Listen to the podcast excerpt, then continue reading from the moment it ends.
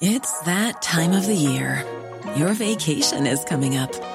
You can already hear the beach waves, feel the warm breeze, relax, and think about work. You really, really want it all to work out while you're away. Monday.com gives you and the team that peace of mind. When all work is on one platform and everyone's in sync, things just flow wherever you are. Tap the banner to go to Monday.com. Millions of people have lost weight with personalized plans from Noom, like Evan, who can't stand salads and still lost 50 pounds. Salads, generally, for most people, are the easy button, right? For me, that wasn't an option. I never really was a salad guy. That's just not who I am. But Noom worked for me. Get your personalized plan today at Noom.com. Real Noom user compensated to provide their story. In four weeks, the typical Noom user can expect to lose one to two pounds per week. Individual results may vary. This is Paige, the co-host of Giggly Squad, and I want to tell you about a company that I've been loving, Olive and June. Olive and June gives you everything that you need for a salon quality manicure in one box. And if you break it down, it really comes out to $2 a manicure, which is absolutely insane. It's also so easy to get salon worthy nails at home with Olive and June. The difference between how your nails used to look when you did them yourself and now with the Manny system is a complete game changer. The best thing about Olive and June too is it's a quick dry. Dries in about one minute, lasts for five days, and full coverage in up to one to two coats. Visit oliveandjune.com slash perfectmanny20 for 20% off your first system. That's oliveandjune.com slash perfectmanny20 for 20% off your first system. Olösta fall. En podd om försvunna människor och oklara mord.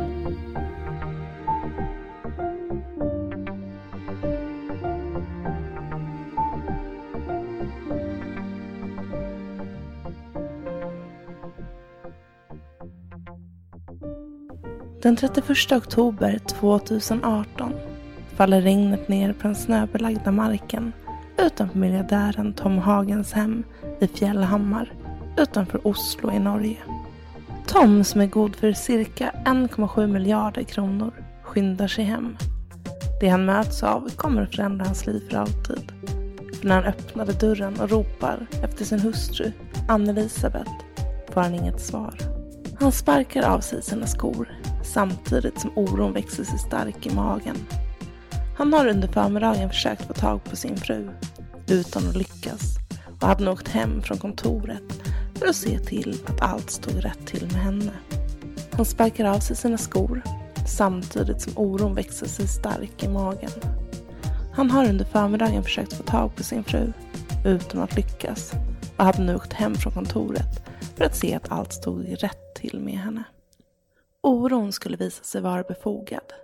För i villans hall, på en sliten röd trästol, finner han ett brev. På ett A4-papper formuleras det i ord vad som hänt hans hustru. Det stod att hon hade blivit kidnappad och för att han någonsin skulle få se henne igen krävde förövarna att Tom skulle betala 98 miljoner svenska kronor i kryptovaluta som lösensumma. Du lyssnar på Ola fall. Mitt namn är Sofie Nublin. Mitt namn är Nathalie Seob. I veckans avsnitt kommer du få höra om det mycket uppmärksammade Hagenfallet. Om 68-åriga Ann-Elisabeth som än idag är försvunnen. Och mycket pekar på att hon blivit mördad. Innehållet i brevet som Tom Hagen hade framför sig blev bara förskräckligare för varje rad han läste. Det stod att om han ville se sin fru vid liv igen skulle han inte kontakta vare sig polis eller media. Det hotades om att ifall han mot förmodan gjorde det skulle det kunna gå riktigt illa. Där och då tog Tom ett viktigt beslut. Trots hotet i brevet. Han kontaktade polisen. Det gifta paret Hagen hade bott i villan på Slöravejan sedan de byggde huset på 1980-talet. Huset är beläget avsides och insynsskyddat vid den vackra sjön Langvannet. Paret träffades för första gången i en bowlinghall och enligt Tom skulle ha sagt klick redan första gången de såg varandra. Vid försvinnandet hade makarna varit gifta i hela 49 år och kvällen innan försvinnandet hade de varit på teater. Dagen efter hade Tom Hagen åkt till jobbet precis som vanligt. Det var inte ovanligt att Ann-Elisabeth befann sig ensam i huset när Tom Hagen arbetade. Hon, som beskrivs som en riktig djurälskare, sågs ofta gå promenader med parets nyinköpta whippet-valp runt sjön under morgontimmarna. Om hon gjorde det den där morgonen den 31 oktober, det finns det inga uppgifter om. Paret Hagen hade tre vuxna barn i 30 40 års åldern. De hade också flera barnbarn och levde ett stillsamt liv. Ann-Elisabeth hade ingen förmögenhet själv, men hennes man var som sagt rik. Närmare bestämt var han nummer 172 på listan över de mest förmögna i Norge. Enligt en artikel i VG ska paret ha varit med om någonting fruktansvärt år 2005. Under tiden som de låg och sov ska en okänd person ha tagit sig in i deras hus via en olåst dörr. Det blev en rättssak av händelsen och Tom Hagen ska ha sagt i rätten att han blev livrädd när mannen väckte honom den natten. Om ytterdörren var olåst den 31 oktober är oklart. Det är inte kartlagt hur kidnapparen, eller kidnapparna, om det rör sig om flera förövare, tog sig in i huset. I hela tio veckor arbetade polisen i det tysta och utredde Anna-Elisabeths försvinnande i hemlighet som en misstänkt kidnappning. Medierna fick nys om fallet men ombads att inte skriva någonting om den märkliga händelse som utspelade sig i det annars stillsamma samhället utanför Oslo. Polisen uppmanade alla att hålla tyst så länge det bara gick. Under tiden försökte de kartlägga vem som låg bakom kidnappningen. Var Ann-Elisabeth fortfarande vid liv? För varje timme, dag och vecka som passerade visste man att sannolikheten att återfinna henne vid liv blev mindre och mindre. Ju längre tiden gick utan ett levnadstecken från Ann-Elisabeth, desto mer befarade man det värsta.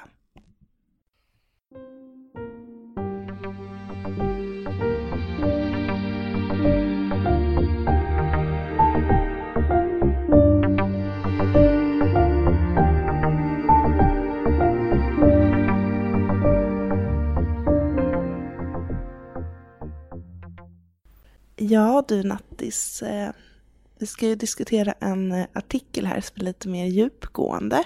Mm. Eh, och jag började skriva det här fallet och sen åkte jag till Grekland så du har ju skrivit klart det här fallet. Ja, det är inte ofta vi jobbar så. För det mesta så skriver vi våra avsnitt så här, uppdelat en och en, men ibland så händer det att vi jobbar tillsammans på det här sättet. Det har vi gjort några gånger i alla fall. Och du är en lifesaver. Vi, vi krigar verkligen för att få ihop våra säsonger även när vi jobbar heltid och barn och livet. Och, mm. eh, så bara en extra hyllning till dig idag. Ja, tack så mycket. Men det, yeah. det var inte så mycket. Det, det är ett väldigt intressant fall så det var intressant att djupdyka i. Mm, och väldigt mycket norska artiklar. Mm. Eh, och i en granskande artikel i tidningen VG eh, som vi tänker prata om nu så kartläggs polisens utredning mm. då med fokus på de här tio ödesdigra veckorna fortlöpte.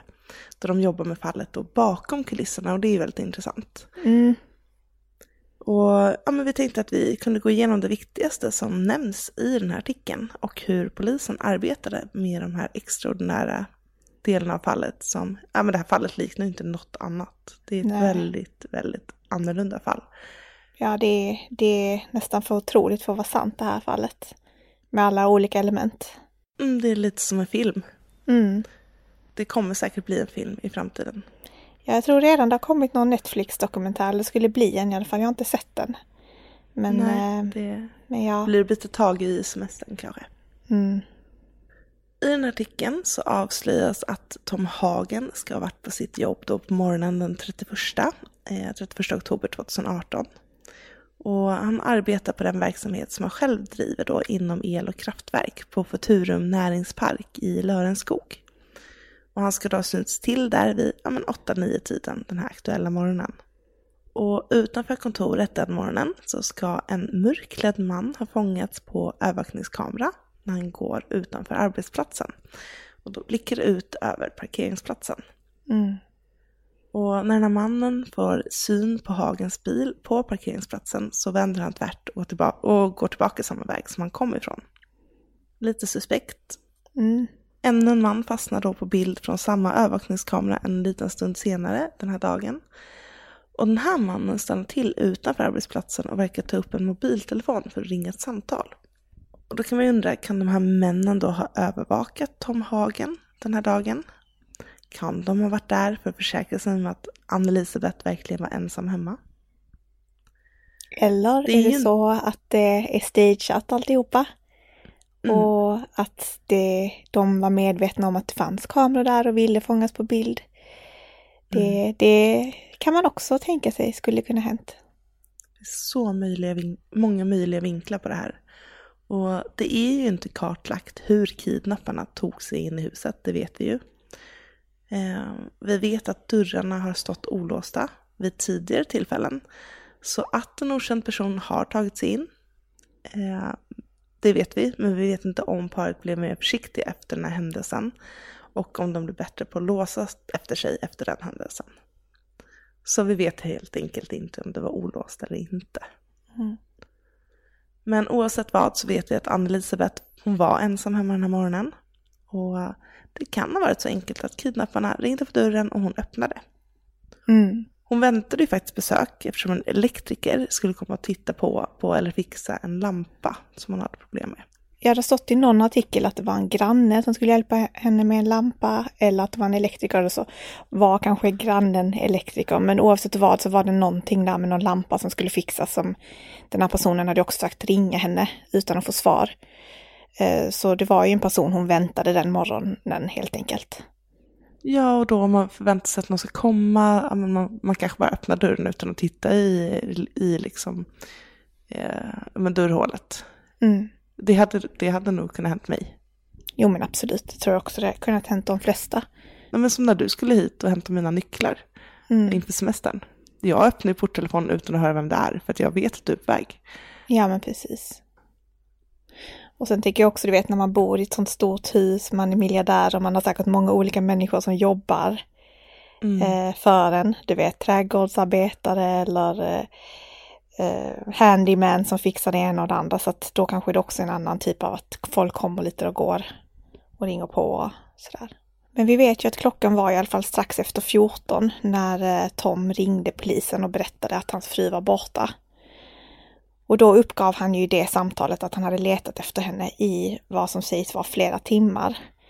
Och att hon var okontaktbar på sin mobiltelefon. Så exakt hur många timmar det rör sig om vet vi inte. Vi vet inte exakt när det var han kom hem. Det anges inte riktigt i någon artikel. Nej, jag personligen tycker att det är lite märkligt att få sån panik över att inte fått kontakt på några timmar. Eller jag vet inte. Ja, eh, jag reagerar också på det. Eh, För att man vet ju inte vad som har hänt upp till det här, om det finns en speciell anledning att de skulle höras eller någonting. Eh, eller att om hon alltid brukade svara väldigt snabbt eller om någonting hade hänt kanske kvällen innan, låt säga att de hade bråkat. Eller någonting som gör att han är extra orolig om hon då kanske skulle vara upprörd eller ledsen eller något i den stilen. Men eh, om det bara är en helt vanlig dag han befinner sig på jobbet och hon inte svarar så är det lite konstigt att man åker hem. Jag tror inte det var någonting som brukade hända. Det verkar vara ovanligt att han åkte hem på det här sättet under arbetsdagen. Ja, det, det känns som att det måste vara något föreliggande och det är ju ingenting man har gått ut med i det här fallet. Ehm, om min partner inte svarade på några timmar då skulle jag bara förutsätta att han helt enkelt inte hade tid. Jag skulle inte åka till hans jobb eller åka och jaga honom liksom. precis. För detta är ändå inte så sent på dagen. Det är inte som att en hel dag har passerat. När det är efter lunch, jag skulle kanske bli orolig när jag kom hem. Exakt. Om min partner inte var hemma och inte svarat. Såklart. Ehm, så att, ja, jag vet inte, det är någonting bara som skaver lite där för mig.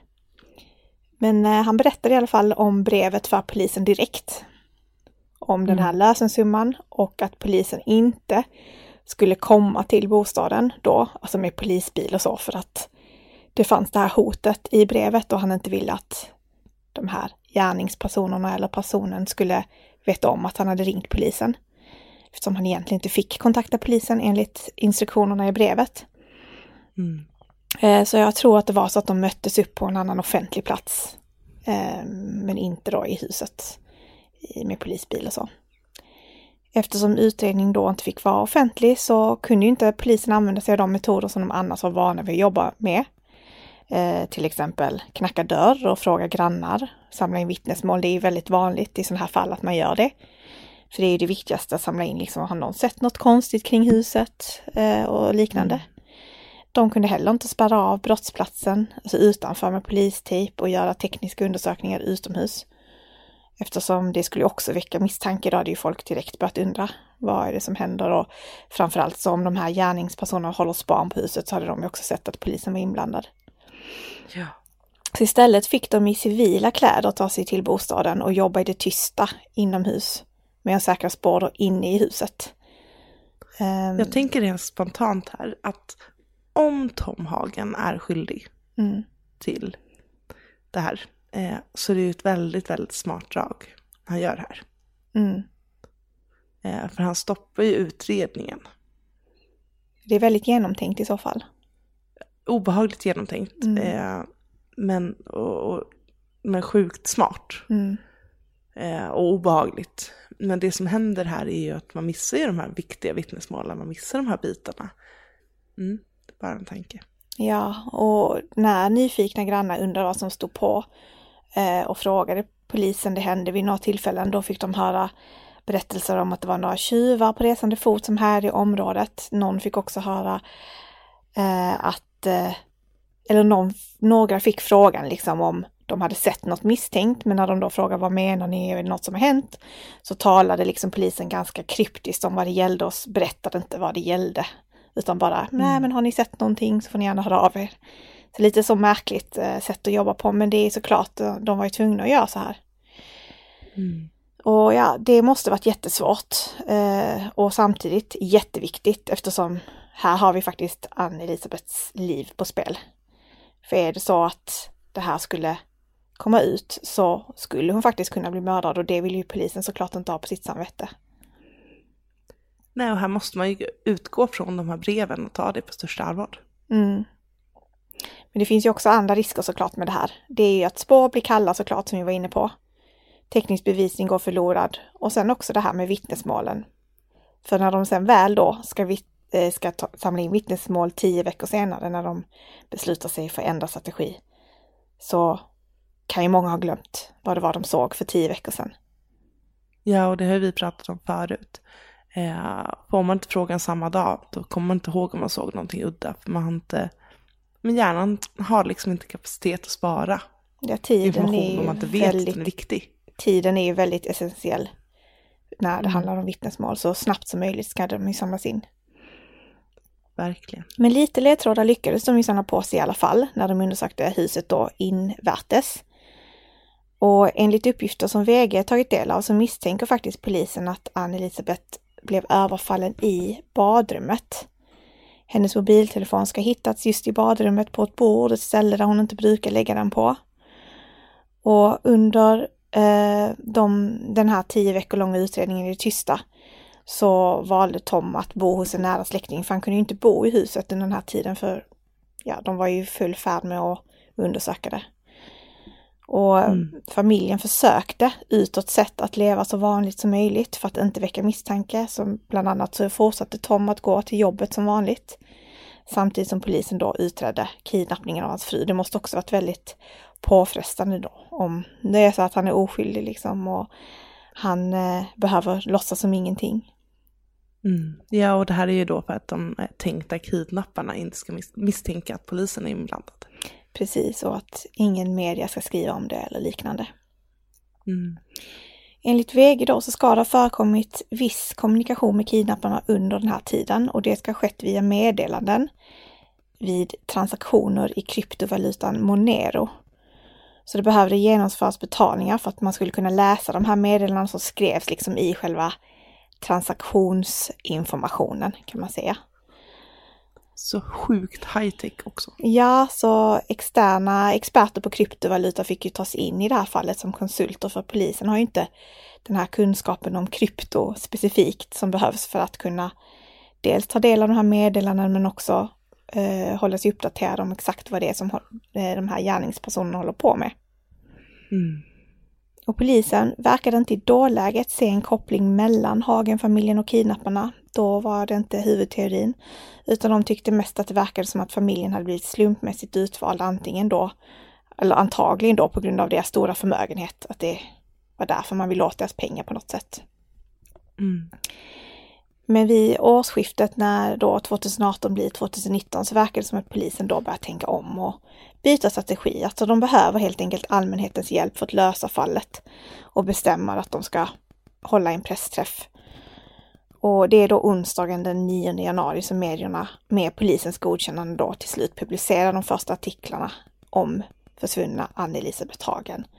Och de håller då en pressträff med ansvarig polis och då är det därmed offentligt.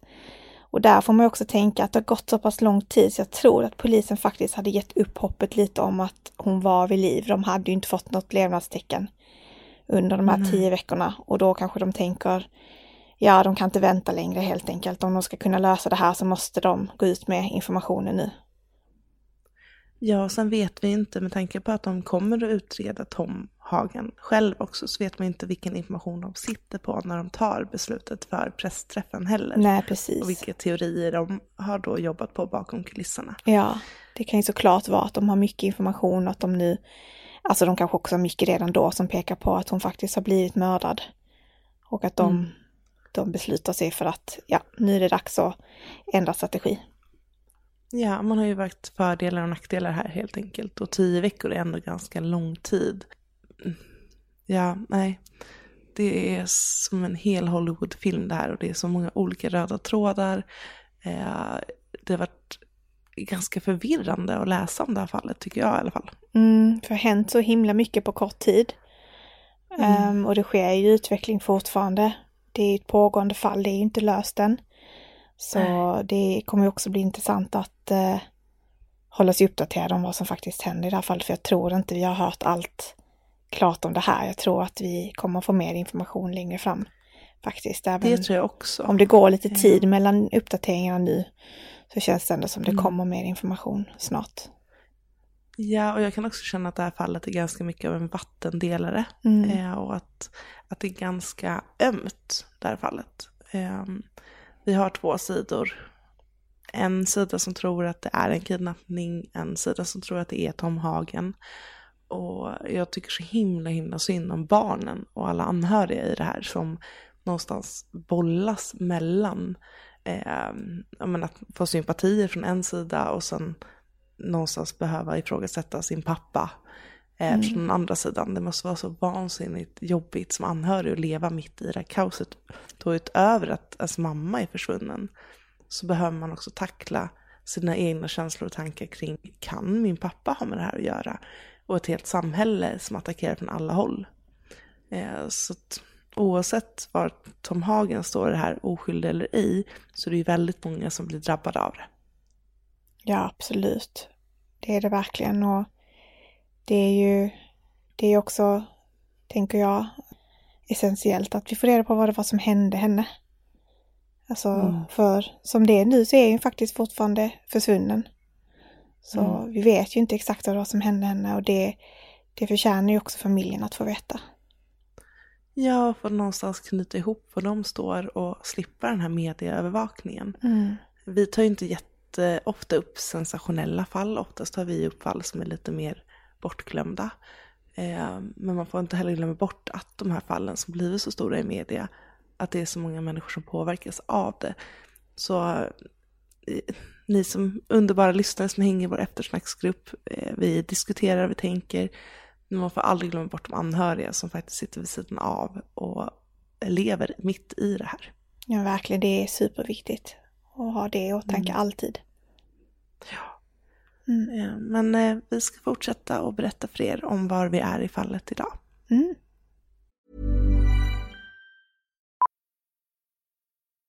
Millions of people have lost weight with personalized plans from Noom. Like Evan, who can't stand salads and still lost 50 pounds. Salads generally for most people are the easy button, right? For me, that wasn't an option. I never really was a salad guy. That's just not who I am. But Noom worked for me. Get your personalized plan today at Noom.com. Real Noom user compensated to provide their story. In four weeks, the typical Noom user can expect to lose one to two pounds per week. Individual results may vary. Ever catch yourself eating the same flavorless dinner three days in a row? Dreaming of something better? Well, HelloFresh is your guilt-free dream come true, baby. It's me, Gigi Palmer. Let's wake up those taste buds with hot, juicy pecan crusted chicken or garlic butter shrimp scampi. Mm. Hello Fresh. Stop dreaming of all the delicious possibilities and dig in at HelloFresh.com. Let's get this dinner party started. Hey, it's Ryan Reynolds, and I'm here with Keith, co star of my upcoming film, If, only in theaters, May 17th. Do you want to tell people the big news?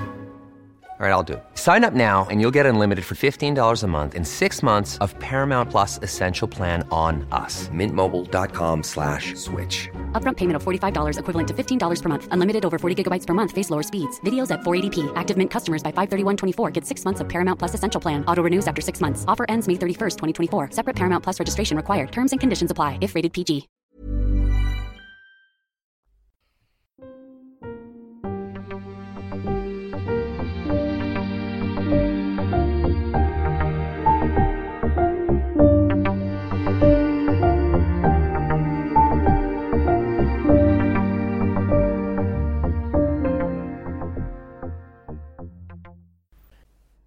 Polisens råd till familjen var att inte gå med på förövarnas krav som stod formulerade i brevet. De råddes att inte betala ut några pengar till gärningsmännen och trots den känslomässiga pressen som familjen upplevde valde de att följa polisens råd. Familjens advokat, Stein Holden, uppgav att familjen gärna ville komma i kontakt med Ann-Elisabeth. De ville få en bekräftelse på att hon fortfarande var vid liv, att hon mådde bra trots de fasansfulla omständigheterna. I januari hade polisen redan fått in över hundra tips. På en pressträff gick polisen ut med en övervakningsfilm från en kamera utanför Tom Hagens kontor samma morgon som hustrun försvunnit. På videoklippen syntes två män som polisen ville komma i kontakt med. Polisen bekräftade också i samma veva att Hagens affärskontakter var centrala i utredningen. Vi kan inte utesluta att det finns ett sådant motiv. Det är inte ett okänt fenomen i det här landet, sa polisinspektör Tommy Bröske till norska TV2. Det var först nu, när fallet hade blivit offentligt för allmänheten, som polisen kunde börja söka runt familjen Hagens hus med hundar. Tidigare hade de avvaktat för att inte ge förövarna vetskapen om att polisen blivit inblandad. Det är komplicerat att arbeta med ett kidnappningsfall när hotet hela tiden ligger hängandes i luften vid minsta snedsteg i utredningen hade Ann-Elisabeths liv kunnat sväva i fara. Polisen hade dock redan säkrat biologiska spår inne i huset och även funnit buntband utanför huset. I samband med att fallet blev offentligt vände sig den norska polisen till FBI i hopp om att få expertishjälp i sökandet. Teorin som det arbetades efter var att själva kidnappningen skulle ha ägt rum på morgonen eller förmiddagen den 31 oktober mellan 07.00 och 13.00. Med hjälp av Ann-Elisabeths mobiltelefon kunde man konstatera att det sista livstecknet från henne var ett samtal som hon gjorde till sin son. Samtalet ska ha ägt rum 09.14 och avslutades klockan 09.16. Innan dess ska det ha varit full aktivitet på hennes mobiltelefon i form av sms-konversationer och liknande. En app i hennes telefon ska också ha registrerat steg i 51 minuter efter det sista samtalet som avslutades 09.16. Det finns dock inga tecken på att mobiltelefonen användes i övrigt under den här tiden. Ann-Elisabeth fick ett inkommande samtal klockan 09.48 som förblev obesvarat Samtalet kom från en elektriker som försökt få tag i henne. Även Tom Hagen försökte ringa henne flera gånger utan att nå fram. När Tom kom hem och upptäckte att Ann-Elisabeth var borta hittade han deras valp inlåst i ett rum. Men den stora frågan var, vart fördes Ann-Elisabeth efter kidnappningen? Och var hade hon hållits fången? Polisen misstänkte att hon i samband med kidnappningen kan ha blivit drogad. Enligt polisen kan gömstället ha varit beläget såväl i Norge som utomlands och man gick ut med att man behövde allmänhetens hjälp för att komma vidare. De bad om alla möjliga vittnesuppgifter. Kanske har någon sett en person köpa ovanligt mycket kvinnoprodukter eller ljudisoleringar innan det aktuella datumet den 31 oktober. Eller så kanske någon har sett en misstänksam person spana utanför familjen Hagens hus innan försvinnandet. Två intressanta personer ska ha fångats på en övervakningskamera i nära anslutning till familjens hus dagen då Ann-Elisabeth försvann och polisen jobbade aktivt med att försöka identifiera dessa misstänkta personer.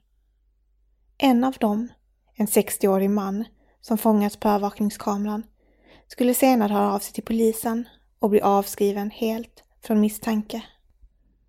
Samtidigt sökte man av sjön Langvannet efter att ett vittne hört av sig om att han under hösten ska ha sett två män nere vid sjön, hundra meter från Hagens villa, och männen ska ha betett sig misstänksamt.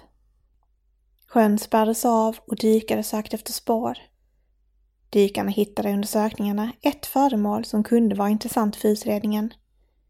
Polisen var dock förtegen om vad det rörde sig om, men uppgav att föremålet skulle undersökas. Även svensk polis hjälpte till i sökandet med hjälp av svenska specialkriminalsökhundar. Den 16 januari 2019 skedde ett viktigt genombrott. Kidnapparna skulle komma att kontakta familjen Hagen återigen. Tom hade fått två krypterade mejl från de som hävdar att de har kidnappat hans fru, berättade familjens advokat under en pressträff. Men något bevis på att Ann-Elisabeth fortfarande var vid liv fick familjen aldrig. Och polisen uppmanade dem att inte börja förhandla på något vis med förövarna förrän de fick det där livstecknet. Även bedragare hörde av sig till familjen samt till pressen. Personer som angav att de kunde erbjuda dessa livstecken mot betalning förstås.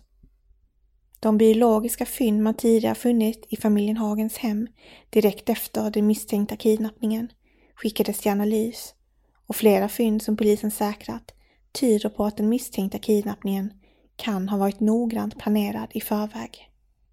Jag kan bekräfta att vi tror oss ha avslöjat spår av förberedelser, men jag kan inte gå in på detaljer, sa polisens utredningsledare Tommy Bröske när han gästade VGTVs livesändning.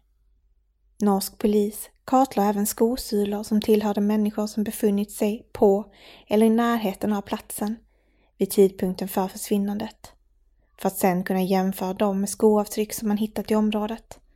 De hade nämligen identifierat ett skoavtryck som de tror kan tillhöra en misstänkt gärningsman. Efter noga eftersökningar kom polisen fram till vilken skomodell som de misstänkta skoavtrycken tillhör. Man lyckas även spåra ett armband av plast som man funnit i sökningarna som ska visa sig vara inköpt på Biltema. Vi ber personer som har köpt denna sko i storlek 44 till 46 och har betalat skorna kontant att kontakta polisen, sa norsk polis på en pressträff och visade upp en bild på de aktuella skorna. Huvudteorin bör nu luta åt att polisen tror att Ann-Elisabeth ska ha blivit bortförd med bil. Det rör sig om en misstänkt grå SUV med norsk registreringsskylt som ska ha synts till av en granne till familjen Hagen. Bilen ska enligt vittnet har tagit en konstig genväg mot familjens hus. Den finns dessutom med på en övervakningsfilm och trots att polisen gått ut i medierna och bett människor som varit i närheten av platsen att ge sig till känna är föraren till bilen fortfarande okänd. Bilen är inte identifierad, den är fortsatt intressant, liksom andra rörelser i området och i närheten av området runt den 31 oktober och innan dess, sa polisinspektör Tommy Bröske till NRK. Polisen ska även ha genomsökt ett hundratal möjliga gömställen i Norge samt i Danmark. Det är också nu, i början av juli 2019, som fallet bör ta en annan vändning. Norsk polis bör misstänka att Ann-Elisabeth kan ha blivit mördad och att kidnappningen skulle ha varit iscensatt för att dölja att ett sådant brott har begåtts. Detta tror man av flera anledningar. För det första har man aldrig fått några livstecken från Ann-Elisabeth. Kidnapparna har inte försökt få kontakt för att få sin lösensumma. Dessutom har de valt en komplicerad väg för att överföra lösensumman just med kryptovaluta. Med de nya misstankarna som bakgrund bestämmer sig polisen för att familjen Hagens hus ska lyskammas. Man skannar av hela villan med en form av 3D-utrustning med millimeterprecision. Analysen som genomförts av det hotbrev som återfanns i hallen samma dag som Ann-Elisabeth försvann visar att pappret är inköpt i Norge. Det går till och med att fastställa från vilken butik pappret och det tillhörande kuvertet förmodligen har köpts. Det stämmer överens med papper och kuvert som går att köpa på Clas Olsson. Hotbrevet var skrivet på ett A4 och skrivet med en blandning av norska, svenska och engelska ord. Och polisen misstänker att det kan vara flera personer som har skrivit brevet och att det finns tecken på att de personerna som har skrivit brevet inte har skandinaviskt språk som modersmål. Enligt uppgifter som inkommit till norsk press ska det brevet ha innehållit ett hot om att publicera en avrättningsvideo på hustrun om pengarna inte kom in. Polisen valde att själva inte kommentera innehållet i det flersidiga A4-brevet. I början av juli, i samband med att polisen gått ut med misstanke om mord, berättade familjen Hagen att de mottagit ännu ett pengakrav. Tom Hagen ska ha fått över runt 10 miljoner svenska kronor till ett konto som polisen nu försökte spara. Trots betalningen kommer inga livstecken från hustrun. Trots att de som utger sig för att ha kidnappat henne hävdar att hon fortfarande är vid liv. Det finns dock inga bevis på att hon fortfarande lever, men inte heller några konkreta bevis på att hon faktiskt är död. Dessutom finns det tecken på att gärningsmannen ska ha förberett sig ganska lång tid, upp till ett halvår inför Ann-Elisabeths kidnappning. Efter tredje analysen i familjen Hagens hus har genomförts går polisen ut med att de funnit mindre mängder blod från Ann-Elisabeth i hemmet. Om det rör sig om blodspår som ska ha lämnats på platsen i samband med kidnappningen eller det misstänkta mordet på henne, eller om det rör sig om blod som funnits i hemmet sedan tidigare från en annan sårskada, vet man inte än. Norska miljardärsfrun Ann-Elisabeth Hagen, som tros vara kidnappad, är förmodligen död, säger Torbjörn Siversson som i 25 år har arbetat med gisslan och kidnappningsfall till TT. Är det den brottsliga kidnappningen, då vill man undkomma polisen, garantera sin egen säkerhet, ha fri passage och ofta ytterligare pengar. Kidnapparna har nästan allt att vinna på ett mord och praktiskt taget ingenting att vinna på det andra, säger han. Norska polisens mål är att lösa fallet under 2019 man jobbar bland annat med att rekonstruera en DNA-profil. I oktober 2018 registrerades Ann-Elisabeth som avliden, som mördad. Det är omöjligt för polisen att säkerställa när hon bragts om livet och man utgår därför från den dag som hon försvann som dödsdatum. Men det som sedan kommer att hända blir en stor nyhet som sprider sig som en löpeld i Norge och i resten av världen. Tom Hagen, Ann-Elisabeths man, grips av polis när han är på väg till sitt arbete. Han delges att han är misstänkt för mord, alternativt medhjälp till mord, på sin hustru. Polisen är av uppfattningen att det aldrig skett en kidnappning och att det aldrig funnits en motpart för förhandling. Polisen menar med andra ord att ärendet bär prägel av planlagd vilseledning, säger polisen Tommy Bröske på presskonferensen samma dag, enligt Omni.se. Uppgifter om att Ann-Elisabeth ska ha velat skilja sig från Tom Hagen kommer ut i medierna. Enligt uppgifterna ska hon ha pratat med ett flertal personer i sin nära omgivning om att äktenskapet var turbulent och att hon funderade på att lämna sin make. Det finns även uppgifter om att hon ska ha sökt på information om att skilja sig på sin dator och skilsmässopapper ska ha hittats i huset. Kan en eventuell skilsmässa och ett turbulent äktenskap ha legat till grund för att Tom Hagen ska ha mördat sin hustru och iscensatt kidnappningen. Tom Hagen själv nekar till anklagelserna.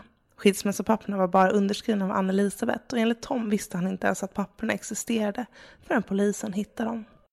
Parets gemensamma barn går även ut med att de inte tror att deras pappa är skyldig. De står bakom sin far och tror inte på polisens anklagelser mot honom. Paret Hagen ska ha haft ett äktenskapsförord som ska ha säkrat Tom Hagen en större del av sin förmögenhet vid en eventuell skilsmässa. Men advokater som NRK ska ha varit i kontakt med menar att äktenskapsförordet framstår som så orimligt att om en domstol hade behandlat det finns en stor chans att Ann-Elisabeth hade kunnat döms till att tilldelas flera hundra miljoner kronor. Vilket rent krast hade kunnat vara ett, ett ekonomiskt motiv för Tom Hagen att vilja undanröja sin hustru innan en eventuell skilsmässa. Tingsrätten skriver att man misstänker att det är fler personer inblandade i fallet förutom Tom Hagen Man tror även att hustrun ska ha flyttats från familjens bostad.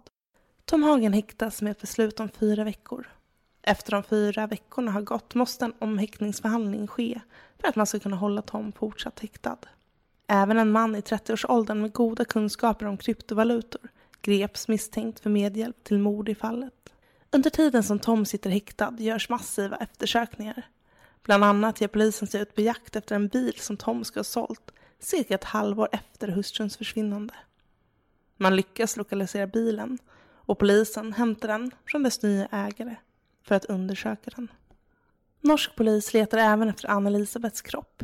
Utan den kan det bli svårt att fastställa att Tom Hagen är den skyldige gärningsmannen. Parets gemensamma bostad genomsöks igen och tekniker spärrar av gårdsplanen utanför huset. En brunn på egendomen genomsöks. Norsk polis vill inte uttala sig om vilka fynd man gjort på platsen. Samtidigt besöker polisen även Tom Hagens fjällstuga i Kvittfäll. Både lokalpolis och tekniker i vita dräkter befinner sig på platsen. De fyra veckorna går och Tom Hagen planerar släppas från häktet i brist på bevis. Men polisen överklagar dock rättens beslut och Tom blir kvar i häktet tills dess att den norska motsvarigheten till hovrätten prövar frågan. Både Hagen och mannen i 30-årsåldern som kommit att kallas kryptomannen i medierna släpps kort därefter och nekar till brott. Domstolen anser att bevisningen mot dem är för svag. Polisen uppger kort därefter att man hittat digitala spår som pekar på att försvinnandet kan ha varit planerat flera månader innan det genomfördes. Polisens utredningsledare uppger att en stulen ID-handling står nu i fokus för utredningen. En mans identitet ska ha sålts på internet och sedan använts för att skapa de konton som Tom Hagen uppmanades att betala en lösensumma till. Det stulna passet tillhör en person vid namn Ole Henrik Golf, 32 år gammal från Mandal. Och det ska ha blivit sålt på the dark web i samband med Ann-Elisabeths försvinnande. Polisen uppmanar personer som använt sig av den stulna identiteten eller har uppgifter om saken att kontakta polisen. I början på maj 2022 går polisen ut med att man söker upplysningar om ett telefonnummer. Närmare bestämt följande nummer. Plus 47 407 45 66 8 som gärningsmannen ska ha använt för att öppna ett konto på, på kryptoväxlingsbörsen Kucoin. Numret användes ihop med en kopia på det stulna passet och en falsk e-mailadress för att upprätta kontot. Simkortet var en del av ett paket på 20 kontantkort som såldes i en numera nedlagd lågprisbutik i Oslo under försommaren 2017. Det verkar som att polisens hetaste spår är just kryptovaluta. Det är få personer som har så mycket kunskaper om krypto som krävs för att vara inblandad i fallet och kommunicera på det här viset. Upprätta konton på kryptobörsen och dessutom ha det våldskapital som också krävs om Ann-Elisabeth nu bragts om livet. Senare under 2022 ska polisen gå ut med att det faktiskt finns ännu en misstänkt i fallet. En man som även han är i 30-årsåldern, precis som kryptomannen. Denna man ska ha varit misstänkt i fallet sedan maj 2022. Men det är först i slutet av september samma år som de går ut med att de har ännu en misstänkt person som de tittar närmare på. Mannen är misstänkt för medverkan till mord under perioden juni 2018 fram till den dagen Ann Elisabeth Hagen försvann. Det finns spår som tyder på att mannen ska ha varit inblandad i förberedelserna innan försvinnandet och mannen blev misstänkt i samband med att polisen gick ut med att de efterlyste upplysningar om det specifika telefonnumret som används för att registrera sig på kryptoväxlingsbörsen. Mannen är känd hos polisen sedan tidigare och har dömts för en lång rad grova bedrägerier. Han är också dömd för nio ID-stölder och för att ha använt ett förfalskat dokument. Han har också dömts för försök till försäkringsbedrägeri och dokumentförfalskning. Mannen nekar dock till inblandning i Hagenfallet via sin försvarare och ännu har det inte väckts något åtal mot honom eller någon annan av de tidigare misstänkta i fallet, inklusive Tom Hagen. Fallet om Anne-Elisabeth är unikt, nästan som taget ur en kriminalfilm. En berättelse som nästan känns för otrolig för att vara sann. Och det stora mysteriet som allt cirkulerar kring är om hennes man, Tom, faktiskt en av dem som det är mest synd om i det här fallet. Om det nu är så att han förlorat sin fru, och sedan blivit huvudmisstänkt för att ha bragt henne om livet. Trots att han är oskyldig och egentligen bara ett offer. Eller rör det sig om en noga uttänkt konspiration för att mörklägga ett fruktansvärt mord? Det är en gåta vi hoppas en gång för alla kan få en upplösning.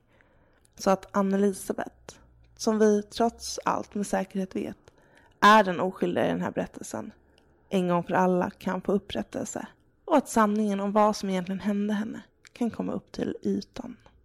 Tack för att du har lyssnat på veckans avsnitt av Olösta fall.